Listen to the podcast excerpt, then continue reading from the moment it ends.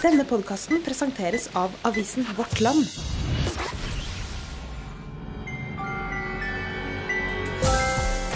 Dette er Søndagsrådet med Bjørn Sørheim Kveseth. Velkommen til en ny episode av Søndagsrådet. Jeg sitter alene i studio i dag og skal gi deg et klipp fra vårens podkastepisode. I klippet du skal få høre i dag, så er det en eh, forelder som lurer på hvordan man skal snakke med barna om overgrep. Og gjester i studio det er Gaute Brekken fra Kirkelig ressurssenter mot vold og seksuelle overgrep, Stian Aarebrot fra Etter Kristus og psykolog Mai Helen Høyer Jorheim. Det første spørsmålet Nå skal vi gå fra en litt sånn hyggelig, hyggelig introduksjon og rett inn i eh, mørk materie her. Eh, det første spørsmålet vårt handler om eh, overgrep. Denne mora da skriver Jeg og mannen min så på nyhetene om en barnehageansatt som visstnok skal ha voldtatt en fireåring. Helt forferdelig. Vi håper selvfølgelig at noe slikt aldri skjer, verken med oss eller noen andre, og lurer på om det er noe vi bør gjøre for å passe bedre på. Skal vi snakke med barna om overgrep? Skal vi forklare hva det er, eller vil det bare skremme dem? Hva tenker du om uh, dette, Gaute? Jeg tenker jo at det er viktig å snakke med barn om at ikke alle voksne er snille. Eh, jeg husker jo sjøl da jeg var ganske liten, så var det lokkemenner det handlet om i Bergen. Eh, at vi aldri skulle gå inn i bilen til noen vi ikke kjente, ikke ta imot godteri. Sånne ting. Og det, jeg vet ikke, vi var kanskje en fire-fem år når de voksne begynte å snakke om det. Ble du skremt, da? Jeg kan ikke huske at jeg var skremt av det. Jeg tror vi på en måte bare forholdt oss til at sånn er det. Og liksom, ja, dette er noe, noe som fins. Uh, og uh, ja, så husker jeg kanskje liksom et par episoder at det var liksom noen voksne som snakket til meg på gaten eller et eller annet, og, og det var kanskje litt skremmende. Uh, fordi jeg tenkte liksom oi, nå skjer det noe forferdelig. Men så gikk det jo bra, det òg. Så, så, jeg tror i hvert fall altså det å snakke med barn om sant, Det er din egen kropp.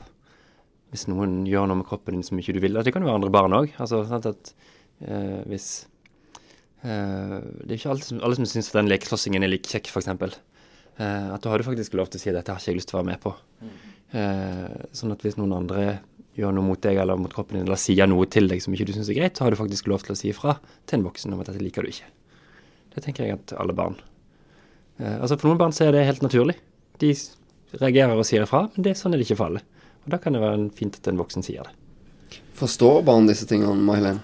Det kommer jo litt an på, an på, alder, men jeg tenker at vi kan alltid legge det på et nivå som ungene forstår. Det er ikke sikkert du sier det samme til en fireåring som en åtteåring, f.eks. Og det at, man, at, barn kan bli redde, tror jeg handler mer om hvordan vi voksne kommuniserer det til barn. Eh, at, eh, jeg husker selv at jeg var redd fordi det var eh, sånn lokkemenn som du snakker om, og det var en rød bil, og så ble vi redd for alle røde biler. ikke sant? Istedenfor å snakke litt mer med oss hva, hva er det, på en måte. Jeg skal ikke være redd for alle røde biler, f.eks. Eh, men jeg tror ofte at vi, vi voksne er kanskje redd for å, for å snakke med barn om det, for vi tror at barn ikke tåler det. Men kanskje det er egentlig vi voksne som ikke tåler så godt å prate om det. Vi syns det er vanskelig, vi vet ikke hvordan vi skal snakke med barn om det. da, Og hvilket nivå skal vi legge det på, hvor mye detaljer skal vi fortelle. At det, det er vår egen usikkerhet, kanskje. Ofte mer enn barnas, da. Men vil du gått inn i hva dette går ut på? Hva er det disse slemme menneskene vil? Tenker at det, kommer, det tror jeg kommer litt an på hvor gammelt barnet er, og hvor mye barnet spør også. Barn er forskjellige, hvor mye de trenger å vite for å føle seg trygge. Så jeg tenker at der man som foreldre så kjenner man jo barna sine best, og må, og må føle, litt, eh, føle, litt, på det. Eh, og så er det jo på en måte hvordan man snakker om det. Skal man snakke om at det finnes voksne som, eh, som gjør ting med barn som ikke de liker, eller skal man snakke om at det er din kropp, du kan sette de grensene du vil. Skal, barn skal bare ha fine hemmeligheter. Og så legge det på en måte på det som er fint for barn, da, istedenfor å legge det på det som er skummelt fra de voksne side, for da blir det fullt sånn skremsel. da. Hva tenker du Stian, du har jo barn selv. Dette, dette er jo alle foreldres mareritt. Ja, det er det. Og det er, det, det er jo såpass uh, når, Altså når man har barn på den samme alderen, så er det uh, jeg, jeg tåler å se ganske mye blod og gørre og fæle nyheter, både av det som er sant, eller fæle filmer. Men å lese om sånne ting som dette her, det, det er, er, på grensa til å se vekk ofte. Og jeg klarer ofte ikke å fullføre og lese en artikkel om sånne ting. Så, så det, er, det er for, Som pappa så er det noe av de mest brutale nyhetene jeg kan lese. Um, vi har valgt, uh, lenge før denne saken her kom, så har vi jo gjort nettopp det dere uh, snakker om nå, med å å gjøre barnet vårt bevisst på at det er hennes kropp, og at hun bestemmer over den. At ingen kan eh, Ja, blant annet om, om at du altså Litt også med man, hvor man går naken, hvor man ikke går naken og sånne ting. At man liksom øver seg litt på å, å forstå hva som er privat og ikke privat og sånn. Eh, men vi har nok ikke gått inn i denne at det finnes farlige menn eller kvinner, da. Eh, der, den, det har vi så vidt begynt å diskutere om vi skal snakke om det eller ikke. Og det tenker jeg også er et viktig stikkord her, at som foreldre så er det viktig at man snakker sammen om hva man sier. For det, man kan, altså hvis en litt sånn skyter fra hofta og begynner å snakke om dette her, og så har man kanskje ikke avtalt det med, med ektefellen eller samboeren sin, så, så, kan man fort få en skikkelig krangel om det også. da, At dette ville jeg ikke at vi skulle snakke med barnet vårt på, eller det vil jeg gjerne være med på når vi skal ta en så alvorlig samtale osv. Jeg tenker at De fleste overgrep mot barn skjer jo av en voksen som barnet stoler på, har tillit til. Men det er klart at det som vi vokste opp med, var at det var noen sånne fremmede der ute som var farlige. Så det er klart at, at det kan være vanskelig for barn å forstå at det faktisk er et overgrep de har opplevd fordi at eh, det passer liksom ikke med altså Hvis de har blitt fortalt at dette er noe som noen sånne skumle voksne gjør.